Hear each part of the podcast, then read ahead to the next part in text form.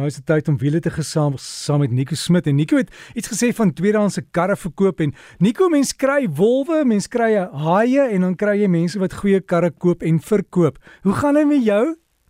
Dit gaan goed, dankie Derek, hoe gaan met jou? Met my altyd voor die wind. Dis uh winter. Ons het nog nog nie al daai slegte statiese elektrisiteit wat ons soms kry nie, maar ons oorleef. Ja, verseker, wel dis weer naweek is altyd lekker as ek met jou gesels en weet ek is 'n naweek en daar daar's 'n lekker vooruitsigte van 'n lekker Saterdag. So, ehm um, ja, dis 'n lekker naweek en ek wil jou 'n bietjie vertel ehm um, en ek ek dink is nogal eh, eh, ehm um, 'n goeie ding om om om te vertel wat is my ondervinding om 'n tweedehandse kar te verkoop. Ek het 'n vriendin nou onlangs gehelp ehm um, en sy wou net eenvoudig 'n kar verkoop. Sy was op pad ehm um, na 'n ander land toe om daar te gaan werk en sy het gesê kan ek haar help? So, ehm um, uh, wat is jy weet wat is my onder wat is ons ondervinding om om haar kar te verkoop. So haar kar was 'n uh, 'n Honda Jazz.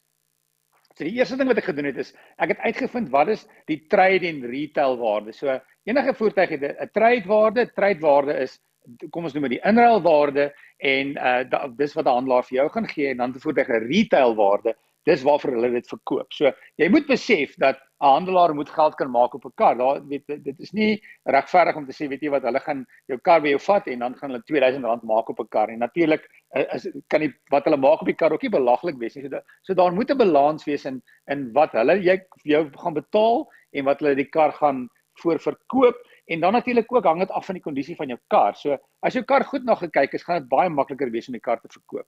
As jou kar baie populêr is, gaan dit baie makliker wees om die kar te verkoop. Ehm um, as jou kar se bande byvoorbeeld nie goed is nie, dan moet hulle nuwe bande opsit. Dit gaan hulle geld kos. As jou kar skade het, hy was miskien in 'n klein ongelukkie en jy moet die voorste buffer ehm um, weer hersprei, dan gaan dit geld kos. As die kar nie goed lyk nie, dan wil mense dit nie noodwendig koop nie. So dit gaan ook beteken jy gaan minder kry vir die kar. So daar's al klaar 'n paar faktore om aan ag te neem wanneer jy die kar verkoop.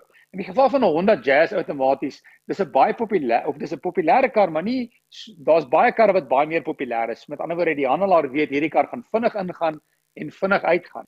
'n uh, Jazz is is baie betroubaar. Die kar gee regtig net nie probleme nie, maar dit is nie so so populêr soos ander karre nie. Met ander woorde, die kar kan miskien bietjie langer staan um, en die mark waar daar versoek is miskien 'n kleiner 'n bietjie van 'n kleiner mark. So dit aan alles aggeneem het ons weet het ek besluit wat is die beste opsie? Ek het iemand wat 'n uh, 'n tweedehandse handelaar het in um Voortrekker weg, maar dit 'n baie goeie naam. Die karre wat hulle verkoop is altyd ons praat altyd van 'n skoon kar of in Engels hulle clean car. Met ander woorde, as hulle as jy kar by hulle koop, dan weet jy die kar het nie probleme nie. Hulle sit nie karre op hulle vloer wat probleme gee nie. So, um uh weet hulle hy het gesê weet jy wat die inruilwaarde so om net 'n bietjie idee te gee van waardes die inruilwaarde was 91000 die herverkoop was 107000 erns so dit was inruil 91 herverkoop 107 hy het gesê hy gaan ons 90000 gee wat ek dink 'n baie goeie waarde is vir die kar um en algenome hoe die mark lyk. So jy moet ook 'n bietjie kyk na die mark. So ek het 'n bietjie rondgebel uh, daar's 'n ander maatskappy hulle het vir my baie lae waarde gegee hulle het vir my 70000 gegee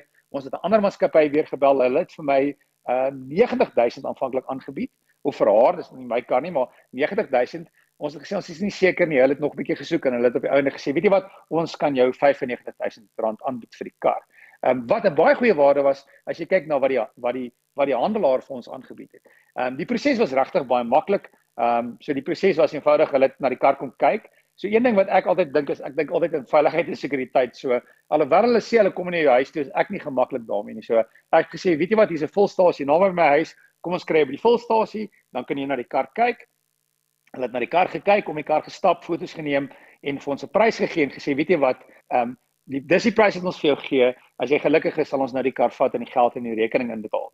Wat hulle soek gewoonlik is, hulle soek jou twee sleutels natuurlik. Hulle soek die natus dokument met ander woorde die dokument, nie die lisensieskyf dokument nie, maar die dokument wat sê jy is die eienaar van uh, van jou jou kar se papier, met ander woorde jy is die eienaar van hierdie kar. Ehm um, ons het ook net gesê, weet jy wat, dis ons um, adres en hulle het jou 'n uh, 'n uh, 'n uh, bank 'n uh, nommer jou bankdetails gesoek. Met ander woorde 'n uh, 'n dokument wat sê hierdie is jou bankrekeningnommers. So, ehm um, ons het op die einde besluit, so ek het nog 'n bietjie rondgebel en gekyk en Ehm um, ek het ook by, by Honda gehoor wat is die waarde wat hulle wil gee. So met ander woorde op die ou net ons gesê, weet jy wat, hierdie 95000 is is vir ons die beste waarde. Ehm um, en ons gesê, weet jy, ons het die kar nog so 'n paar dae nodig. Op die ou net hulle gesê, weet jy wat, is die moeite werd. Wat interessant was, hulle het vir my gesê vir ons gesê, weet jy wat, die lisensie verval oor 3 dae. Met ander woorde, hulle trek daai waarde af. So die lisensie het minder as 'n maand verval. So hulle het gesê, weet jy wat, ons moet dit weer betaal. So hulle het ek so 600 600 rand afgetrek. Wat bietjie meer was as 'n lisensie, maar dis jy weet ons het in ag geneem hulle moet weer 'n nuwe een koop so ons is weet ongelukkig met dit. So die proses was eenvoudig. Ons het gestop by die vulstasie weer eens. Ehm um, hulle daar gestop, hulle het die geld dadelik oor geplaas, die, die geld gewys in ons rekening en ons het gesê hier's die kar, gaan, julle kan maar gaan met die kar. Maar natuurlik, dit was 'n maatskappy wat 'n naam het. So ek is, is baie versigtig as dit 'n individu is wat ek nie ken nie. So die nadeel as jy dit privaat adverteer is dit dat iemand kan weggaan met jou kar en jy het nie jou geld nie. So jy moet seker maak van daai proses want jy kan meer kry as jy dit privaat verkoop. So jy kan dit adverteer op sekere platforms. Ehm um, daar's 'n hele paar wat jy dit self kan doen. Maar die nadeel is is jy weet nie wie is hierdie persoon wat na jou kar kom kyk nie en baie mense is ongelukkig al ingedoen. So miskien het jy dan 'n vriend wat 'n handelaar is of iemand anders wat die wat die transaksie vir jou kan fasiliteer of andersins as jy geld in jou rekening het is en het 'n ander rekening skuif jy geld dadelik oor. Dis miskien 'n opsie om te oorweeg. So ehm um, ek voel baie maal versigtig om dit alhoewel jy meer kan kry privaat adverteer as gevolg van die risiko maar dit het vir baie mense baie goed uitgewerk. Ook nog een opsie is kyk na vriende en familie is ook baie maal 'n opsie. Dalk weet iemand van iemand wat jou kar soek want hulle weet jy het goed na jou kar gekyk. So dis ook 'n ander opsie. Ehm um, so jy moet maar in ag neem dat as jy kar wil verkoop, moet jy bietjie rondsoek. Ehm um, vir meeste handelaars is dit nie die moeite werd om net jou kar te vat nie. Eintlik wat hulle graag wil hê is om jou kar in te ruil, maar daar is maatskappye wat net jou kar vat en vir jou die geld gee. So dis ons ondervinding Derek. So wees maar versigtig vir die skelms en soek maar 'n bietjie rond vir die beste prys. Ja, en Nico, as jy 'n motor het wat jy nog steeds aan die bank afbetaal, onthou daar is ander implikasies. Jy moet jy moet laat weet jy gaan hom verkoop en daai geld moet ook afgetrek word. Dis heeltemal reg. So in hierdie geval was dit maklik want die kar was klaar afbetaal. As jy nog die kar afbetaal, is daar ander goed om aan ag te neem. So dis baie maal hoekom 'n um, ehm, maatskappy wat dit doen net 'n maklike roete is. Jy kan dalk nie soveel nie, maar dit is daar's minder pyn as deel van daai proses. So Nico, as ons ons motors wil verkoop, moet ons jou bel en dan kan ons jou by daai motorhuis af. Kry jy by die volstasie bo en dan maak ons 'n plan. Ja, dan dan jy ken nou klaar die mense, jy weet net klaar jou huiswerk gedoen. Dis reg. Nico, alles van die beste en 'n baie goeie naweek vir jou.